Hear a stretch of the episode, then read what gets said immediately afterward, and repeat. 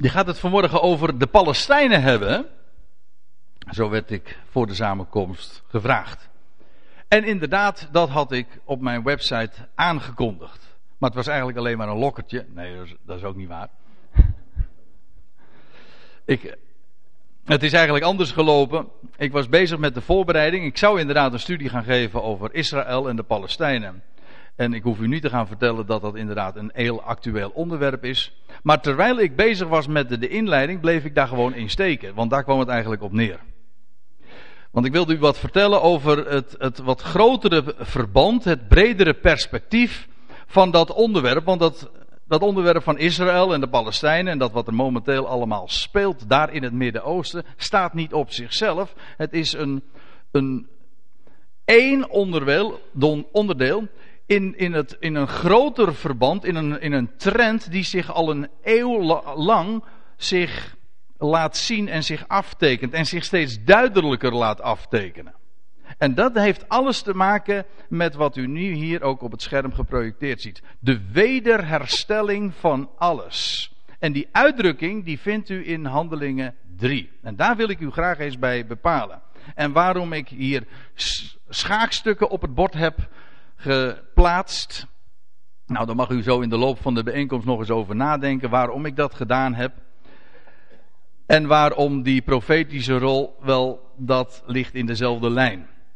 Het wordt vanzelf allemaal duidelijk. Laat ik om te beginnen eens daar dus naar Handelingen 3 toe gaan. We zullen daar zeker niet bij blijven steken. Maar in Handelingen 3, daar houdt Petrus een geweldige, gloedvolle reden, mag ik wel zeggen. Op het tempelplein. En hij spreekt zijn, zijn broeders naar het vlees, de, zijn Joodse volksgenoten. Daar een hele samengeschoolde menigte spreekt, uh, spreekt hij toe. Naar aanleiding van de genezing van een verlamde man die daar aan de schone poort zat. Een geweldig wonderteken, maar ook een geweldig teken moet ik zeggen. En Petrus vertelt over de betekenis van dat wonder wat had plaatsgevonden en wat het is.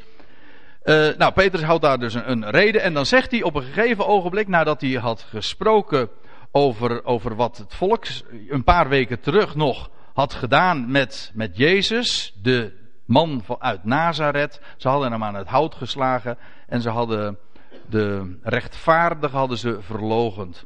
Nou, en dan zegt hij in vers 17, en daar wil ik aanhaken.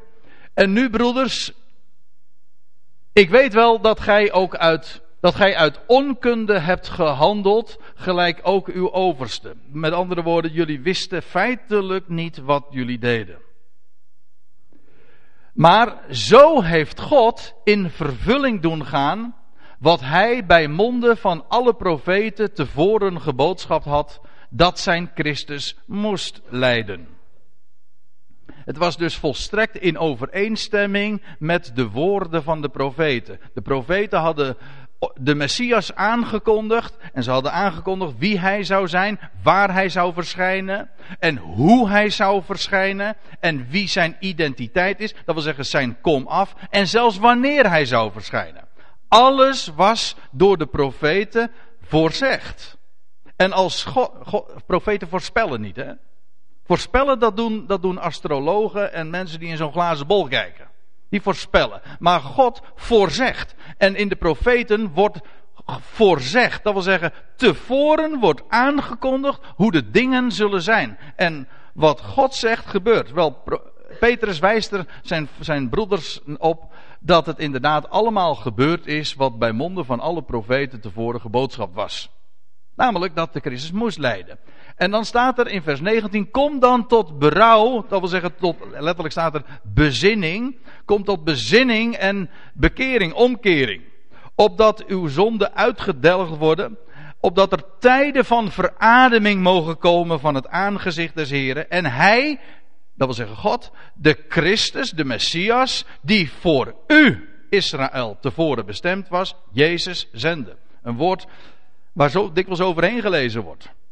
En ik heb eh, gemerkt dat, dat dit woord van Petrus in de theologie volkomen is voorbijgezien. Daar, daar, daar, is, daar gaat men helemaal, helemaal voorbij. Men heeft een, een blinde vlek voor, voor wat Petrus hier naar voren brengt.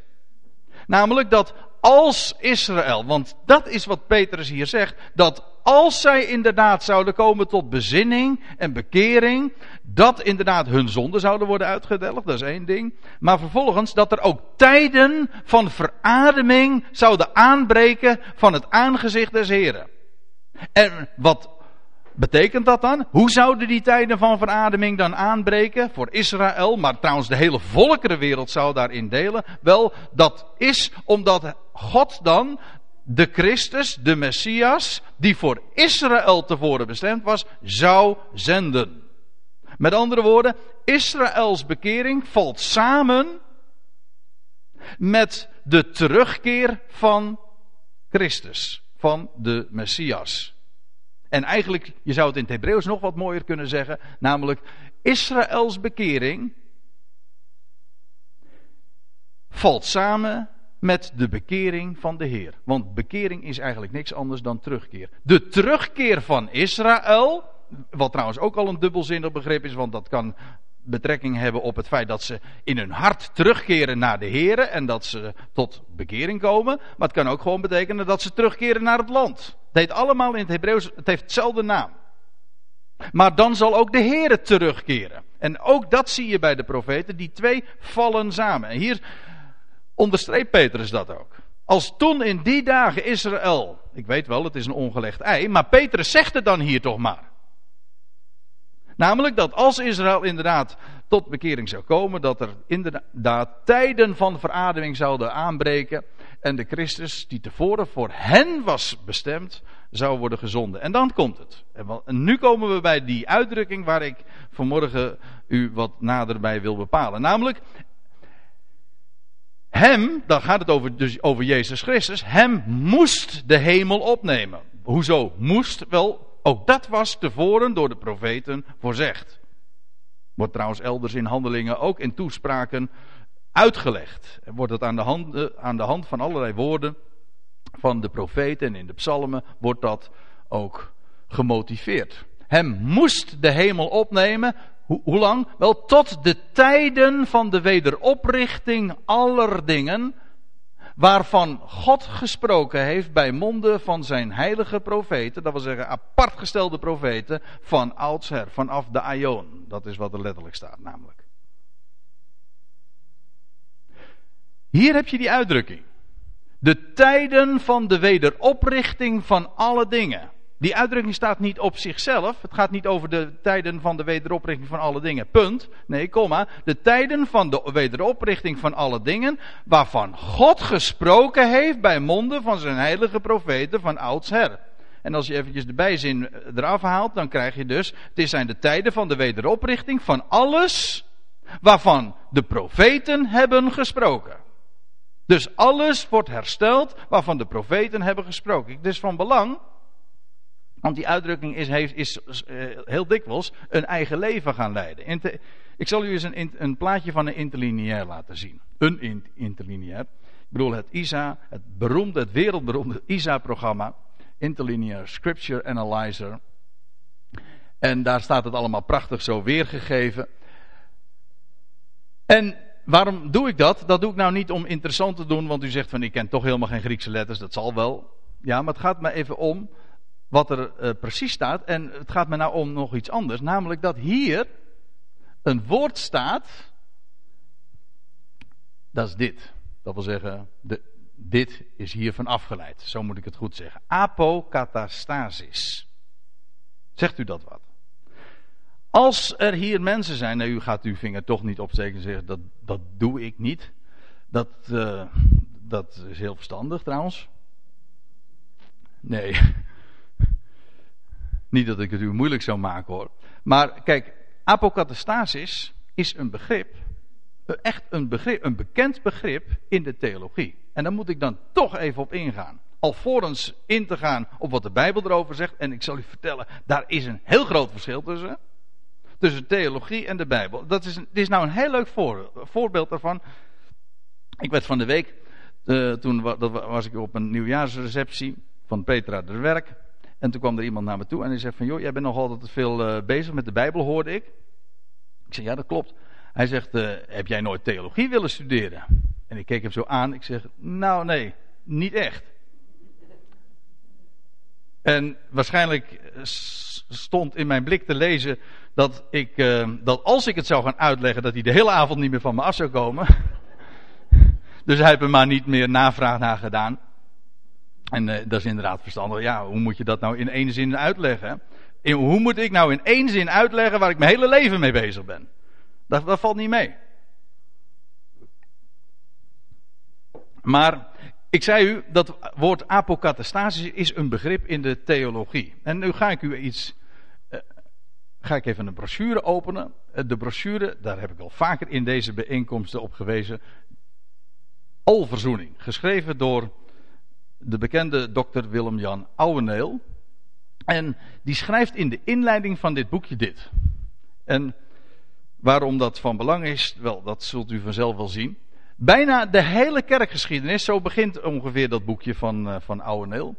Bijna de hele kerkgeschiedenis door, vanaf de kerkvader Origenes, Origenes, zo is het hè, tot bekende kerkleiders vandaag, zijn er hoogvereerde voorgangers geweest die de leer van de apokatastasis, de alverzoeningsleer, gepredikt hebben. Nou, of er hoogvereerde voorgangers geweest zijn die dat prediken, dat uh, waag ik te betwijfelen. Want over het algemeen ervaring is dat hoogvereerde voorgangers het vooral, als ze het weten, verzwijgen. Maar dat even helemaal terzijde. Het, gaat hier over de leer van de apokatastasis. Uh, dat, is dus, dus haakjes, de alverzoeningsleer.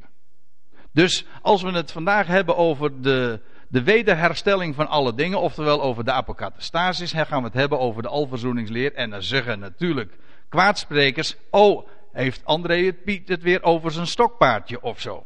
Nee, helemaal niet. Ik ga het over iets heel anders hebben namelijk. Maar mensen slepen dat erbij. Ik zal nog even verder gaan met het citaat. De term apokatastasis betekent wederherstelling. Heb geen enkel bezwaar tegen, dat is gewoon de betekenis van het woord. En het is ontleend aan Handelingen 3 vers 21. Dat klopt ook. Steeds weer heeft, ja, dat, zo gaat Ouweneel dan nog even verder. Steeds weer heeft deze dwaalleer, van de alverzoening dus, veel gelovigen aangesproken die diep in hun hart het verlangen hadden dat een verzoening van alle mensen toch eens waar mocht zijn. En dat is een vreselijke dwaalleer. Hè? Dat dat toch eens waar zou zijn. Ja, ik ken toevallig een God die wil dat alle mensen gered worden hoor. Maar hier wordt er al voor gewaarschuwd. Hier wordt meteen al in de inleiding gezegd: het is een dwaalleer. Mensen die in hun hart worden aangesproken. Hè, en het verlangen hebben dat de verzoening van alle mensen toch eens waar mocht zijn. Dat is te mooi om waar te zijn. Nou, laat ik het anders dan omkeren. Het is te mooi om niet waar te zijn. Even laat ik het nog anders zeggen. Ik vind het zo mooi omdat het waar is. Ja, Ik, ik, ga even verder, ja. ik zeg wel. Als je.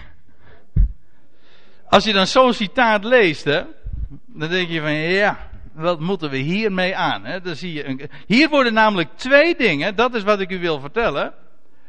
Hier worden twee dingen gewoon hopeloos door elkaar gehaald. Want we gaan het nu dus niet hebben over alverzoening, maar ik moet wel even uitleggen waarom. We gaan het hebben over de apokatastasis. En Ouweneel zegt, ja, de, de, leer van de apokatastasis en de hele theologie doet dat. Dat is een dwaalleer, hè, want uh, vanaf uh, de dagen van Origenes heet dat al een dwaalleer te zijn. En dat, dat is trouwens ook al zoiets. Dat heb ik dus allemaal op die nieuwjaarsreceptie niet tegen die, uh, tegen die man verteld. Uiteraard, want hij, hij deed er het zwijgen toe. Maar dat is heel eigenaardig. Wijs ik zo eventjes tussendoor op. Dat termen rechtstreeks afkomstig uit de Bijbel een label zijn voor een dwaalleer. Dat is eigenaardig. Een Bijbels woord is een label voor een dwaalleer. En vooral als je dan, even dan toch, als we een heel eind in de kerkgeschiedenis teruggaan. Wat heeft men in diezelfde dagen ook gedaan? Dan heeft men zelf termen bedacht. Die een eikpunt werden van orthodoxie. Ik noem maar wat. In de, in de eerste eeuwen van de kerkgeschiedenis heeft men de leer van de drie-eenheid ontwikkeld. Eén wezen, drie personen. Of later, ook, of in diezelfde tijd ook, uh, de leer van de, de, persoon van Christus. En dan is, het, dan is de definitie twee naturen, één persoon. Ongedeeld, ongescheiden, onvermengd. Hoe, hoe heeft men het allemaal niet gezegd? En weet u, je moet daar niet eens met je vinger naar wijzen, want dan ben je al een ketter. En het punt is, al die termen die ik zojuist noemde, drie eenheid, één wezen, drie personen, één persoon, twee natuur, dat, al dat soort terminologie, die heeft men gewoon uit de duim gezogen. Nou, oké, ik zou het ook wat netter kunnen zeggen. Uh, men heeft daar heel lang over nagedacht grote, knappe koppen die hebben daarover gefilosofeerd en hebben daar dikke boeken over geschreven. En uiteindelijk is dat in kerkelijke vergaderingen is dat allemaal vastgelegd. En gebeend als je daar aankomt, tot op de dag van vandaag is, zijn die beleidenissen gelden als basis voor het hele kerkelijke leven. Waar je ook komt, of dat nou in de Rooms-Katholieke sector is, of in de protestantse sector, of in de charismatische sector. Deze beleidenis gelden gewoon als het eikpunt van orthodoxie. Ik bedoel dit te zeggen.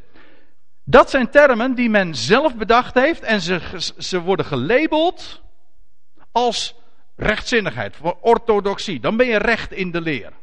En omgekeerd heeft men bijbelse termen, zoals apokatastasis. Dat is een label geworden voor dwaalleer. Terwijl het gewoon een bijbelse term is. Heb jij er nooit overwogen om theologie te gaan studeren? Nee, heb ik niet. Omdat de dingen zo verward worden. Ik zal het nog. Ik zal ze eventjes uit elkaar halen. Voordat we nu gewoon echt bij het onderwerp komen. Uh, moet ik, wil ik wel eventjes zo in, in schematisch even aangeven waar het verschil zit. Je hebt apokatastasis, dat is die wederherstelling. Men verwart dat met alverzoening. Hè? Dat is wat u zojuist zag. Apokatastasis, tussen haakjes, alverzoening. Nee, dat zijn twee totaal verschillende dingen. Want alverzoening is ook een Bijbelse term.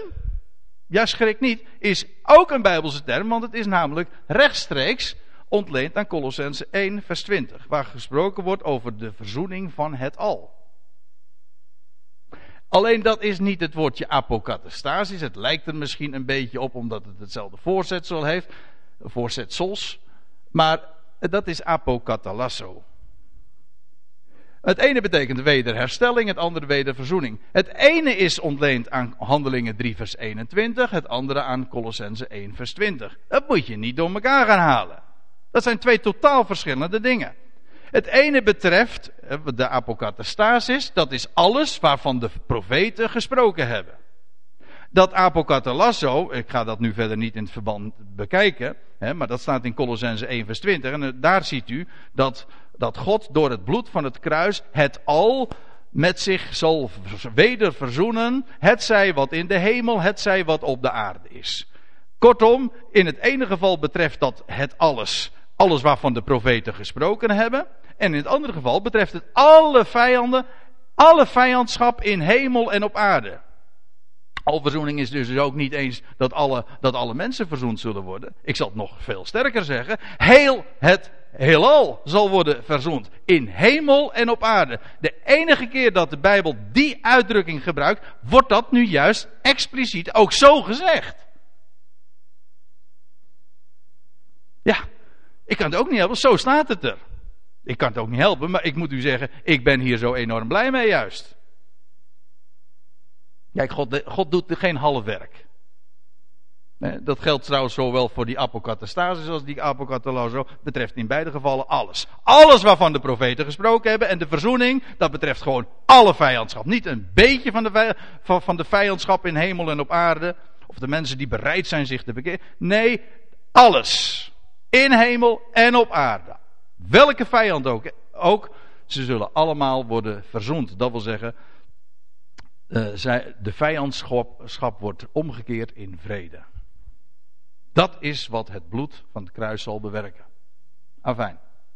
En dan heb je nog iets. Uh, het, het, verschil is niet alleen maar dat het eh, twee totaal verschillende schriftplaatsen zijn. En dat het over twee totaal verschillende onderwerpen gaat. En dat het twee totaal verschillende termen zijn. Maar bovendien, het gaat ook over twee totaal verschillende tijden. Maar dan moet je dus in de theologie over het algemeen ook al niet mee aankomen. Want daar heeft men gewoon, uh, het hele plaatje is dit. Dat de Heer Jezus is ten hemel gevaren, van waar hij zal terugkeren om te oordelen de levenden en de doden. En dan breekt de nieuwe hemel en de nieuwe aarde aan. De eeuwigheid, daar komt nooit meer een eind aan.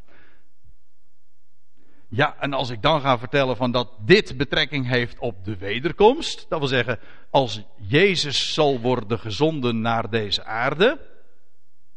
En terwijl apokatallasso heeft nu juist te maken met wat aan het einde van de Ionen zal plaatsvinden.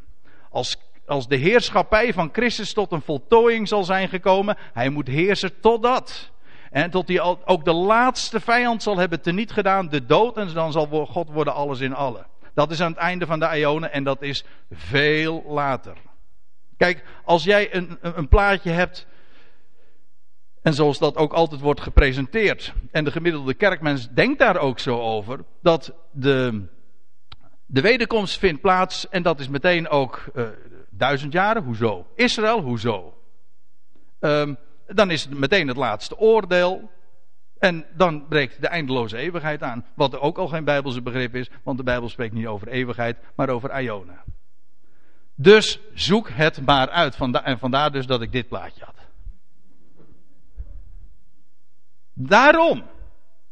Dit, er worden dingen gewoon door elkaar gehaald. En ja, dat schiet, dat schiet niet op. En ik noem het nu eventjes. Om als illustratie van hoe men inderdaad de boel verward heeft. Maar eigenlijk zou het dus veel handiger zijn om gewoon die hele verwarring terzijde te laten. En gewoon de schrift zelf aan het woord te laten. Wel. Laten we dan eens inderdaad naar die uitdrukking teruggaan van Handelingen 3, vers 21. Daar werd gesproken over de wederherstelling van alles waarvan de profeten gesproken hebben. Dat zou plaatsvinden, die tijden dat alles weer hersteld zou worden, dat zou plaatsvinden in de tijd dat de Heer Jezus Christus ook zou terugkeren. Goed, alles wordt dus hersteld waarvan de profeten gesproken hebben. Nou, en dan stel ik nu een andere vraag. Waar, waar spraken de profeten over?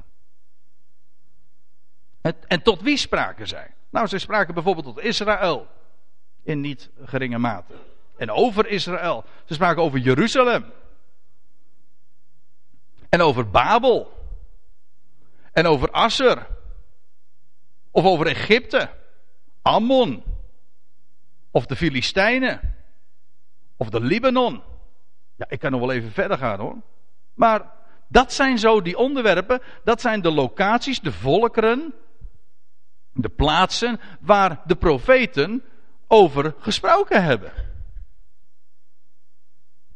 Wel nu. Wat er zou plaatsvinden rond de tijd van de terugkeer van de Heer Jezus Christus, is dat alles weder hersteld zou worden. Alles zou worden gereconstrueerd. Alles waarvan de profeten gesproken hebben, dat zou weer opnieuw op het toneel gaan verschijnen. Hersteld worden. En dat is nou precies wat wij, en daar wil ik vanmorgen uw aandacht voor vragen, en dat is namelijk precies wat we in de afgelopen eeuw te zien hebben gekregen. Als je de media bekijkt, beluistert, je leest de kranten, de voorpagina's spreken daarover, of je kijkt naar het nieuws, of je kijkt naar, naar nieuwsites op, op, op het internet, dan zie je, dan zie je precies dat weer verschijnen waarvan de profeten ooit al hebben gesproken. Het meest kenmerkende van de 20ste eeuw is dat de, ja je zou dat op verschillende manieren natuurlijk kunnen belichten, maar in politiek opzicht, als je de wereldpolitiek bekijkt, dan is het zo dat de, alle aandacht is weer terechtgekomen, geconcentreerd daar in het Midden-Oosten. En dat, waar had dat mee te maken? Wel, dat heeft alles te maken met de oprichting van de staat Israël, jazeker. Maar het begon eigenlijk al eerder. In 1922, toen werd Egypte weer onafhankelijk.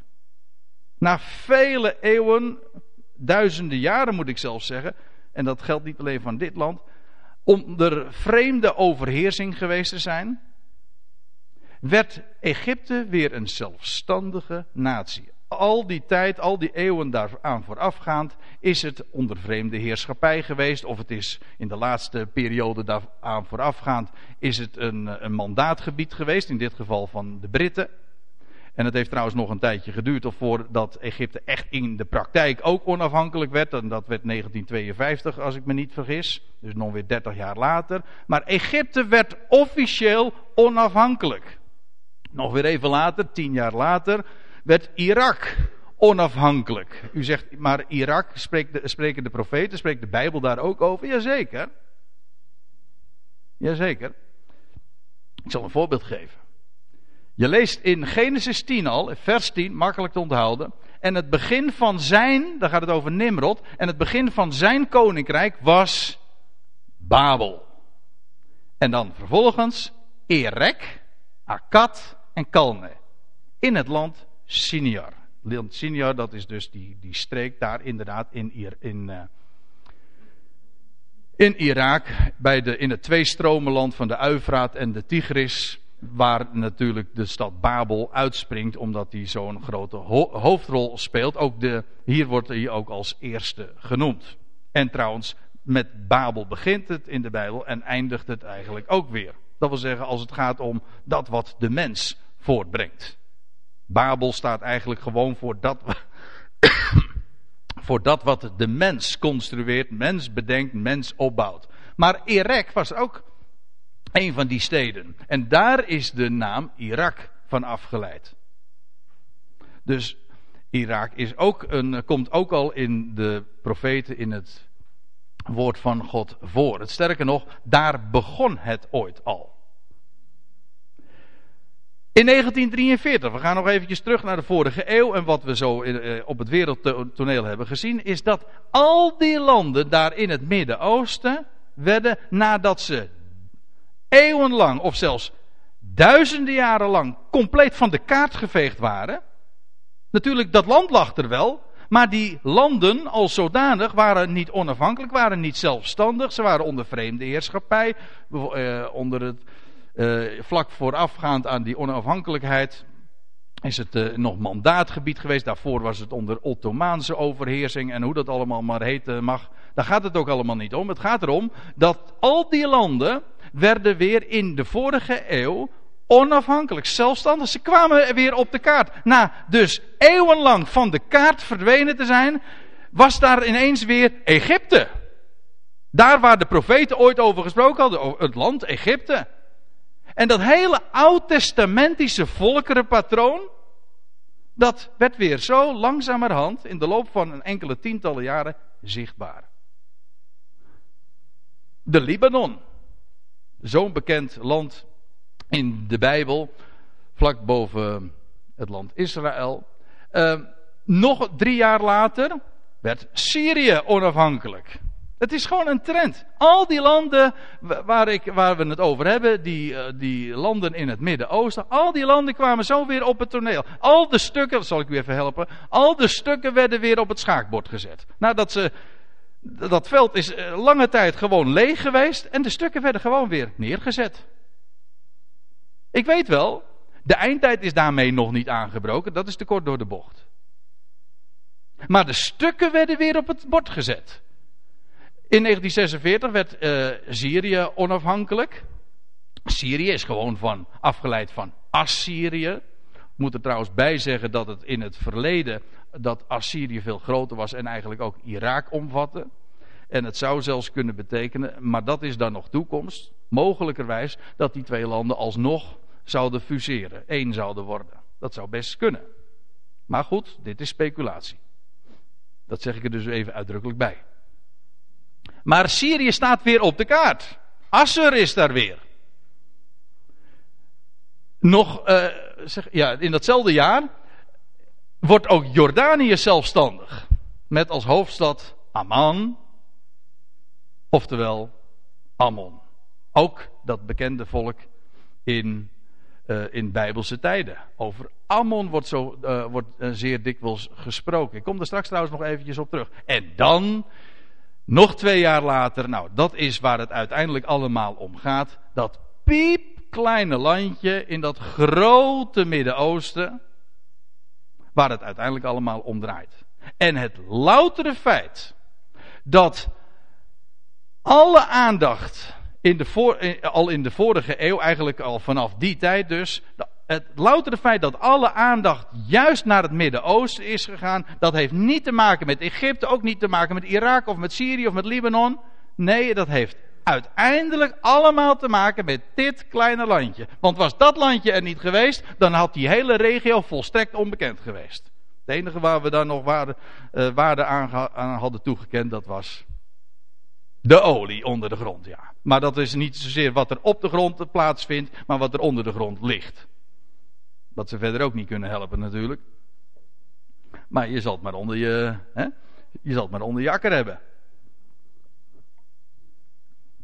Dat was 1948. Ik moet er trouwens bij zeggen dat die, dit, dit het eindpunt was van een, van een ontwikkeling die al zich uh, veel eerder had afgetekend. Je hebt in 1897 heb je het eerste Sionistische congres gehad in Basel. Onder, uh, op, uh, op instigatie van, van Theodor Herzl. Die de Sionistische beweging heeft opgezet. En goed, de Joden die hadden het. Die, die kochten land op daar in, in, in het land van Israël. Of Palestina heette dat eigenlijk toen. En uiteindelijk, na de Tweede Wereldoorlog, toen werd de roep zo groot om om de Joden dan toch een eigen thuisland te geven. En het, het mocht niet langer uitblijven. Een veilig onderkomen. Waar ze dan inderdaad thuis zouden zijn. En u, u, u hoort misschien een beetje de ironie als ik het zo zeg. Dat de Joden eindelijk, na dat grote drama van de Tweede Wereldoorlog, eindelijk een, een veilig onderkomen zouden hebben. En we zijn nu 60 jaar verder. Toch? Ja, ruim 60 jaar verder. En ik moet erbij zeggen, het is de meest onveilige plek voor Joden om te verkeren. In de praktijk. De staat Israël is daar weer. En u, moet er trouwens nog iets bij zeggen. Dat is ook een, een, een, enorme schok. Ik had het zojuist al even over de theologie. Dat, is, ja, dat, dat loopt zo nu eventjes allemaal samen. Maar het loutere feit dat daar weer een Joodse staat was. U moet zich goed voorstellen, kijk, inmiddels zijn wij weer 60 jaar verder. Wij, wij zijn eraan gewend. Ik bedoel, we zijn eraan gewend dat als je de, de ochtendkrant opslaat, dat je meteen pontificaal het hele Midden-Oosten weer gewoon, dat zo, zomaar weer binnen in je huis komt. Hè, en dat gewoon alle aandacht opeist. Wij zijn daaraan gewend, wij kennen dat. Maar een eeuw geleden was het nog volstrekt ondenkbaar dat daar een Joodse staat zou komen. Die Sionisten die daar een eerste congres hadden in Basel, dat waren gewoon, uh, dat, dat, was een utopie, dat waren fantasten, dat, waren, dat, dat, zou nooit dat zou nooit gaan lukken. Er waren trouwens toen al, maar ook al daarvoor, in de, in de eeuw daar, uh, ja, in de 19e eeuw, waren er gewoon onderzoekers van het profetisch woord die toen al zeiden, er komt weer een Joodse staat. Er zal in ongeloof worden opgericht. En niet alleen Israël, maar al die landen komen weer gewoon op het, op het toneel. En die mensen die waren natuurlijk helemaal stapel met dat ze dat zeiden. Dat waren gewoon sectariërs die dat beweerden. Die een beetje eh, in hun hoofd op hol geslagen waren. Want ja, niets in het wereldgebeuren van toen gaf aanleiding om dat te denken. En zij excuseerden zich, ja sorry, wij weten dat ook niet, maar het profetisch woord, eh, dat zegt het gewoon. En, en uh, that's it. Dus zal het zo gebeuren. Hoe, dat weten wij ook niet, maar het staat er gewoon. Kijk, daar heb ik, daar heb ik nou echt ja, ontzag, en, en uh, ontzag voor en, en vooral uh, eerbied voor. voor. Voor mensen die zo met de schrift omgaan. Die zich excuseren als, als aan hen gevraagd wordt. Ja, maar hoe, hoe, hoe verklaar jij dan de dingen? En dan zeggen ze, ja, dat kan ik ook niet verklaren. Maar het woord zegt het en dus gebeurt het. En een eeuw later. Eh, want ik, ik heb het nu over, over mannen in Nederland als, als voorhoeven. die al in de 19e eeuw gewoon boekjes schreven. Ik heb ze zelf ook nog in huis. Echt stokoude boekjes die in 1860, 1870 gewoon boekjes daarover schreven, over, over de eindtijd en wat er zou gaan gebeuren. En, en het is waarachtig, zo ging het ook. Maar die mensen die excuseerden zich, zeggen we zien het niet in het wereld gebeuren, maar het gaat gebeuren. En zo is het. Want waarom? Het profetisch woord zegt het. En daarom, kijk, wat we in 1948, dus, uh, ja, dat, was de, de, de oprichting van de staat Israël. In 1948 was sowieso een heel markant jaar in allerlei andere opzichten ook. Het was trouwens ook de oprichting van uh, de, de Wereldraad van Kerken, ja. Goed, nou, daar hebben we het nu verder niet over. Maar in 1948, uh, eh, dat was natuurlijk een, in die zin ook een enorm schokkend jaar. Dat daar die Joodse staat weer sinds 2000 jaar er weer was. Israël dat 2000 jaar verstrooid is onder de volkeren en nu eindelijk na 20 eeuwen weer een eigen land heeft. Dat was gewoon een wonder. En de theologie zat er natuurlijk enorm mee in de maag, dat begrijpt u wel. Want ja, wat had de theologie namelijk gezegd? De kerk is in de plaats van Israël gekomen, de rol van Israël is uitgespeeld. Konden ze ook makkelijk zeggen, want ja, de Joden waren verstrooid onder alle volkeren en ja, die speelden een. Nou ja, goed, ze werden weliswaar heel erg achterna gezeten en ze waren nooit veilig. En daarmee ook een vervulling van het profetisch woord, moet ik erbij zeggen. Maar de kerk had al die eeuwen lang heeft ze op het standpunt gestaan, wij zijn Israël. En voor het volk van Israël is geen toekomst meer. Nee, dat zijn wij namelijk. En wij vervullen ook de rol van Israël. En zoals Israël, die zou dan de, uiteindelijk het vrederijk gaan inluiden. En zou heerschappij hebben over de volkerwereld. Maar dat, is, dat zijn wij, dat, zijn de, dat is de kerk. Dus wij vervullen die rol. Dat is gewoon één grote een simulatieproces. Het, het imiteren. Maar dat uit, weet je, dat krijg je altijd. Hè? Als, je, als je dingen imiteert, als je iemand denkt te zijn wie je niet bent, dan kun je soms een hele tijd volhouden. Maar op een gegeven ogenblik val je door de mand. En zo is dat ook gegaan met het hele simulatieproces van de kerk die meende Israël te zijn. Ja, en dat uh, is in de, die hele oprichting van de staat Israël was in 1948, betekende ook inderdaad een probleem voor de theologie. Er zijn dikke boeken over geschreven. Maar weet je wat het is? Daar kun je natuurlijk wel over gaan filosoferen, maar daar schiet je echt niks mee op. Je moet gewoon de schrift lezen. En dat alleen. Daarom ben ik zo blij om dan toch nog eventjes uh, in de lijn van dat, van dat gesprek, dat niet plaatsvond, te blijven. Ik ben gewoon het liefst een biblicist. en weet, als je in het woordenboek kijkt wat een biblicist is, dan staat er iemand die zich uitsluitend op de schrift beroept. Nou, wat is er mooier dan dat? In de theologie is dat trouwens echt een scheldwoord, een biblicist. Maar ik heb graag die scheldnaam. Heel graag. Ik vind het een ereterm. Een biblicist, ja. Maar goed, we hadden het over Israël. Israël werd weer op de kaart gezet. En dan nog een, uh, een, uh, een tiental, nee, hoe zeg ik het? Ne 19 jaar later, zeg ik het goed? Ja. Er gebeurde er nog iets bijzonders. Toen werd Jeruzalem wederom de hoofdstad van de Joodse staat. Ik zeg wederom, maar dat was dus ook 2000 jaar daarvoor, voor het laatst, het geval geweest. In het jaar 70 is de Joodse staat compleet, en Jeruzalem in het bijzonder, compleet vernietigd. En de Joden verstrooid onder de volkeren. En in 1948, zie daar, de natie verrijst weer uit het as. En, en, en nog weer twintig jaar later, naar aanleiding ook van al die oorlogen die Israël heeft gevoerd, de Zesdaagse Oorlog in 1967, Jeruzalem werd weer de hoofdstad. Ik ga nu niet die hele geschiedenis vertellen. Het gaat er vooral om om aan te geven dat alles waarvan de profeten gesproken hebben, al die locaties, die volkeren, die komen weer tevoorschijn. Alles komt tevoorschijn. Na, na zoveel eeuwen, 2000 jaar lang of nog langer, gewoon onzichtbaar geweest te zijn, komt het ineens weer aan het licht. Het treedt aan het licht. Het komt weer op het toneel. En dat is met Jeruzalem ook. En uiteindelijk die hele strijd in het Midden-Oosten.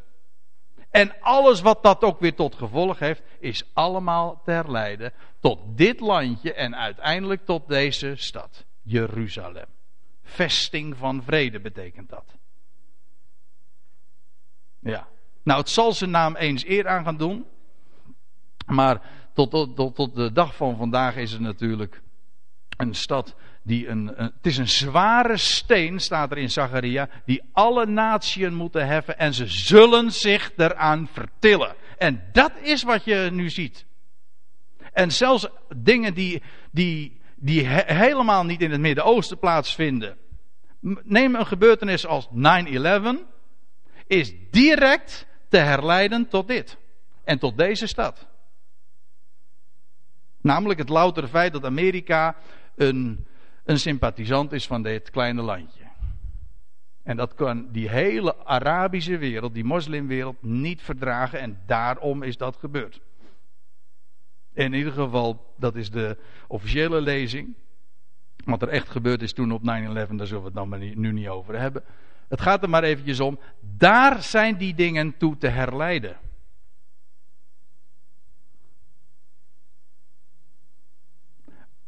Amerika die, ja, ik, toen ik, de eerste keer, ik eh, herinner me dat ik uh, ooit op vakantie was in, in Israël. Ik ben er diverse keren geweest, mag ik wel zeggen. Maar de eerste keer dat ik daar was, was in 1977. En toen kon ik daar, was, liep ik daar in de straatjes van Jeruzalem. En toen, had je, toen heb ik nog op het punt gestaan om een, een t-shirt te kopen. En daar stond de, tekst op van. Uh, ja, dan moet ik het wel goed zeggen. Don't, don't be afraid America, Israel is behind you. Ik vond het wel leuk.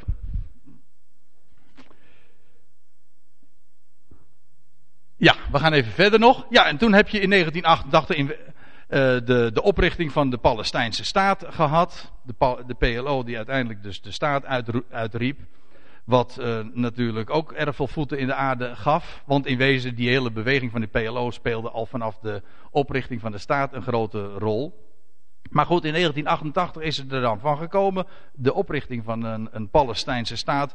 Maar door verreweg uh, de meeste landen. Nou, ik weet niet of ik het nu goed zeg. Maar in ieder geval, door lang niet alle landen wordt dat erkend. Daar is nu al die strijd over. Over de Palestijnen. En wat uh, is, is, dat dan ook, is dat dan ook iets waar de profeten over gesproken hebben? Dan zeggen ja, wis en waarachtig. Want, dan moet ik erbij zeggen, de Palestijnen, wij worden eh, misschien een beetje uh, op het verkeerde been gezet door dat woord. Want het woordje Palestijnen is gewoon exact hetzelfde als Filistijnen. Alleen uh, de P is een F maar in het, eh, als u een beetje het gevoel voor talen, eh, als u een beetje weet ook van andere talen, dan weet je dat die, dat die woorden, de, de letters P en F altijd uh, door elkaar gebruikt worden. Erg veel met elkaar te maken hebben. Onze PH is ook gewoon niks anders dan een F. Ja, fosfor, weet u wel. Die, die oude, de oude spelling, zeg maar. Dat is de F. Maar, uh, en die klinkers die moet je eigenlijk wegdenken in, uh, in, in het Hebreeuws. Dan krijg je Palestiem. Dat zeggen ze in, in het Hebreeuws. In, het, in uh, het huidige Israël spreken ze over de Palestiem. En dat, is gewoon, dat zijn de Filistijnen. Oftewel de Palestijnen. Maar wij maken een verschil in het woord. Maar de schrift kent dat niet. En in het Hebreeuws kan je het onderscheid ook niet maken. Het is heel grappig, maar in, het, in de Statenvertaling daar wordt het woordje eh, Palestina, Palestijnen ook gebruikt. Of nou Palestijnen ben ik even op dit moment niet zeker van, maar in ieder geval Palestina. In uh, Psalm 60. Psalm 60 vers 10 daar staat, Moab is mijn wasbekken, op Edom werp ik mijn schoen. Gaat het over de Heer zelf, die die volkeren gewoon aan zich gaat onderwerpen. En dan staat er, en over Filistea juich ik. Maar als u een statenvertaling hebt, dan staat er gewoon Palestina. Filistea is Palestina. En wat dan ook weer zo grappig is.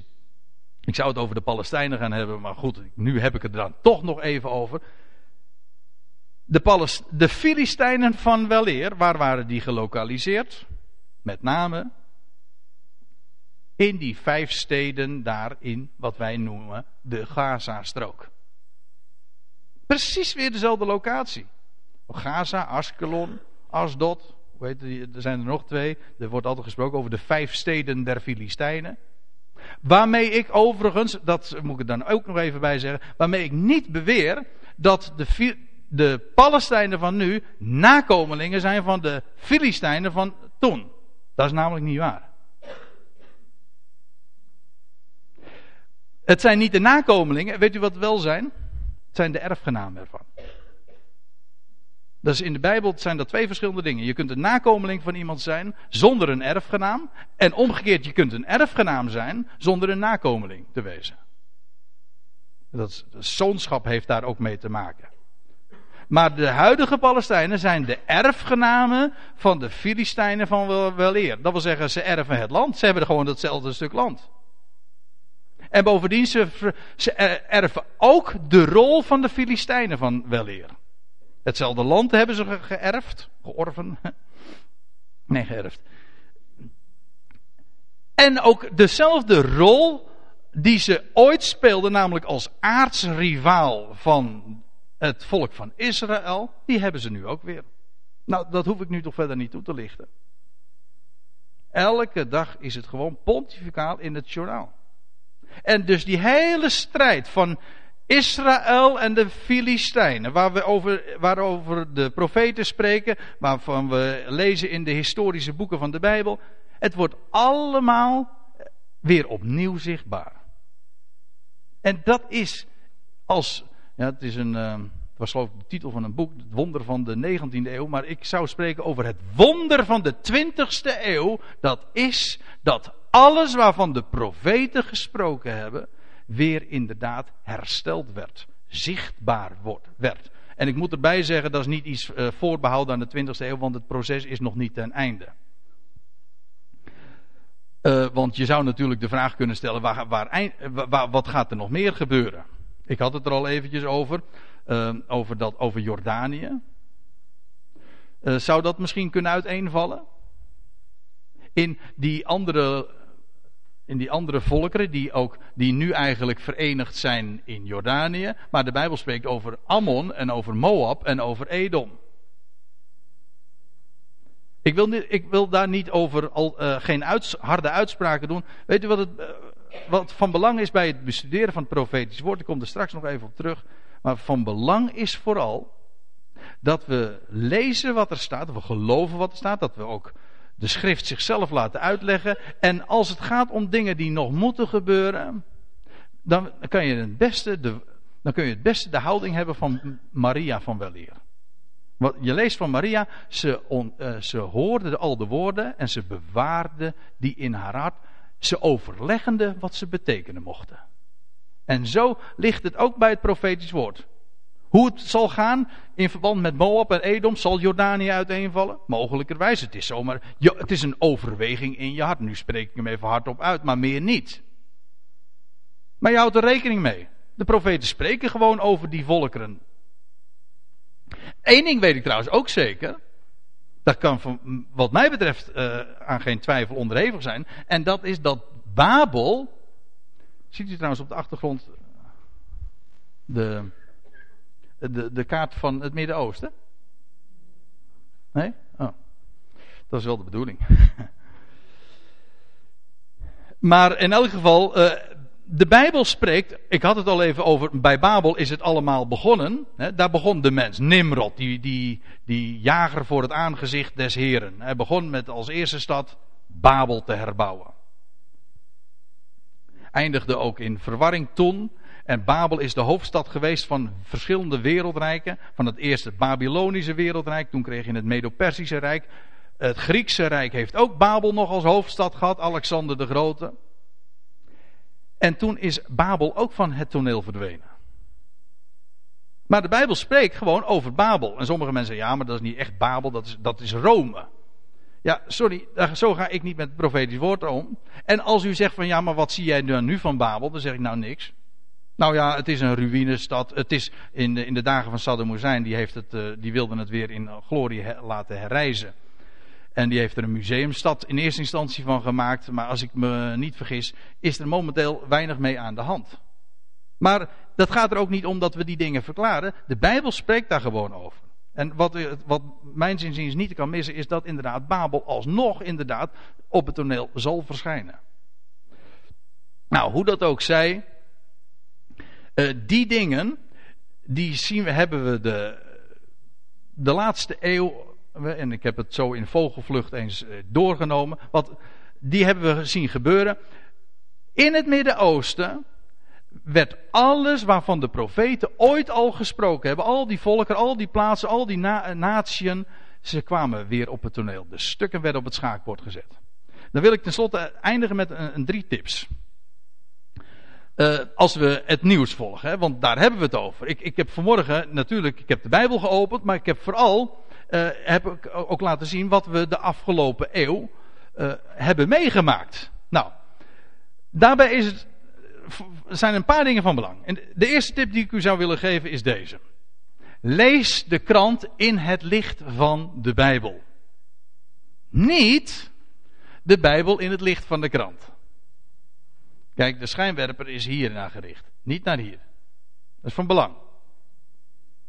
Want je, je kan je namelijk heel gemakkelijk vergissen. Als je afgaat op de krant en in het licht daarvan de Bijbel gaat lezen, geheid dat je de, uh, in de valkuil valt van speculatie. Ik uh, herinner, we hadden het uh, zojuist al even over dat 9-11, maar wat, wat, wat zag je toen?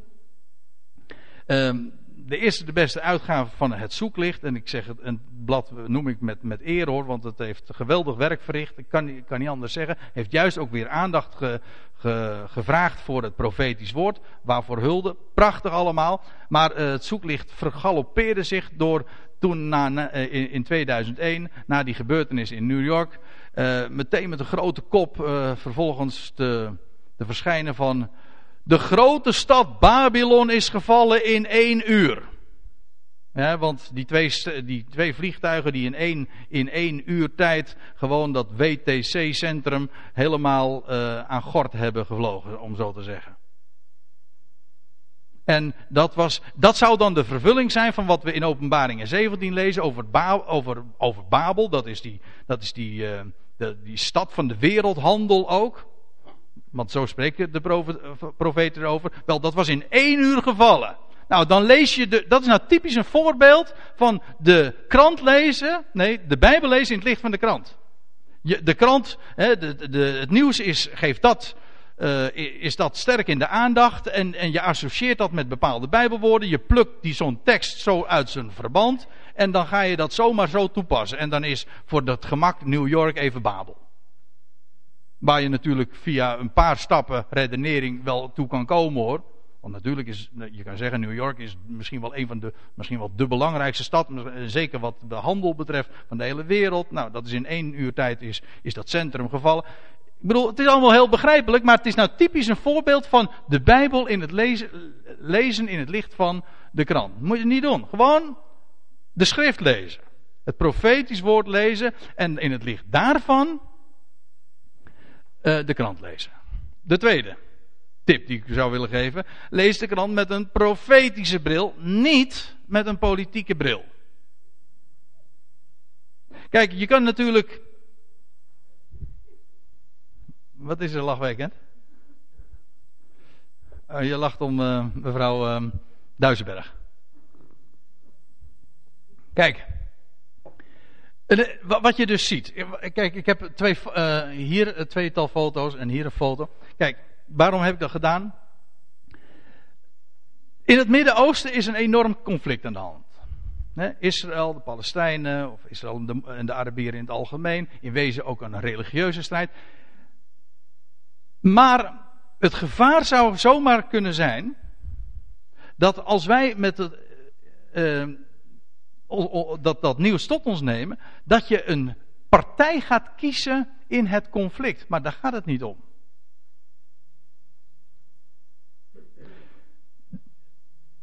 Ik weet niet of ik dat zomaar mag zeggen, maar ik doe het gewoon. Ik neem gewoon die vrijmoedigheid. Maar zo'n krant als Christenen voor Israël, die, ja, de, de, de naam zegt al, wij zijn voor de staat Israël.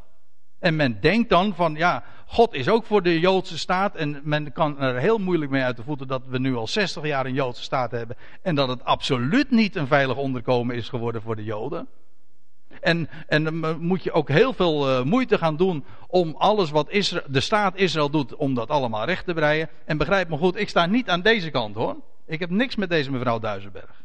Behalve dan dat ze uh, dezelfde kerkelijke achtergrond heeft als ik. Ze is ook christelijk van huis uit, ja. ja. Kan uit die kerk ook wat goeds komen. Maar uh, dat is van. Uh, ja, ik bedoel, ze staat hier op een foto in, met in mijn ogen een terrorist hoor. en dan.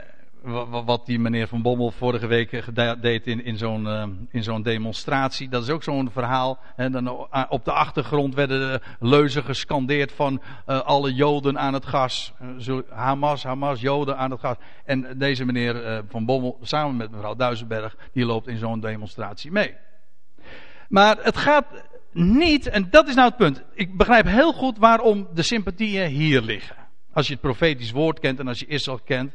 Maar verkijk je er niet op.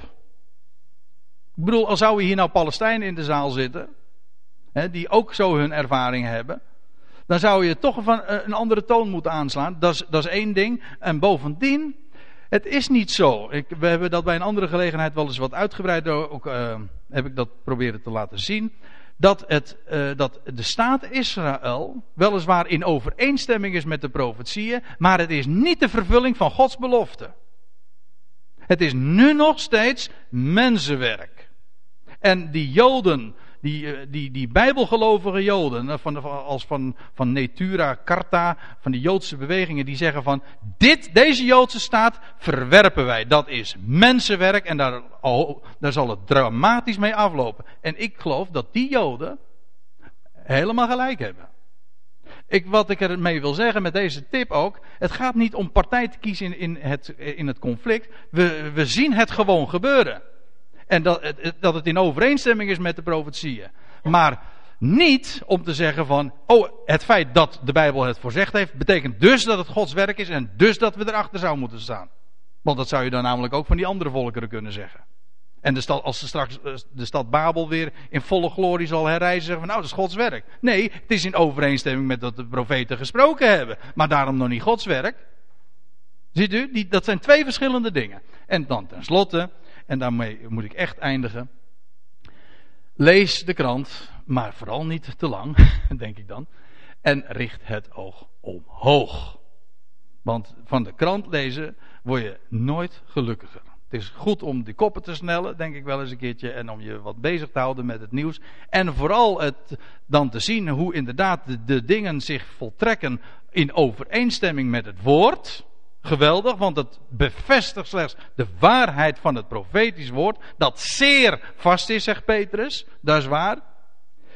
Maar we lezen die krant en we, we kijken vooral omhoog. Het is precies wat er in Lucas 21 ook staat. En dat gaat het over de Joden in, in, in de toekomende tijd. Als, uh, als er dan ook eh, als er daar weer een tempel zal zijn, en et cetera dan lees je dat de Heer Jezus zegt: Wanneer deze dingen dan beginnen te geschieden, richt u op, heft uw hoofden omhoog, want uw verlossing genaakt. Want je, dat mag dan allemaal zo dramatisch zijn wat er momenteel plaatsvindt. Niet alleen in het Midden-Oosten, in het wereldgebeurde. Daar waar de kranten melding van maken, jawel, maar het is gewoon in overeenstemming met wat er staat geschreven. En God heeft de regie vast in handen. Het loutere feit dat we hebben gezien, wat we hebben gezien de laatste eeuw, geeft gewoon aan dat God. sorry.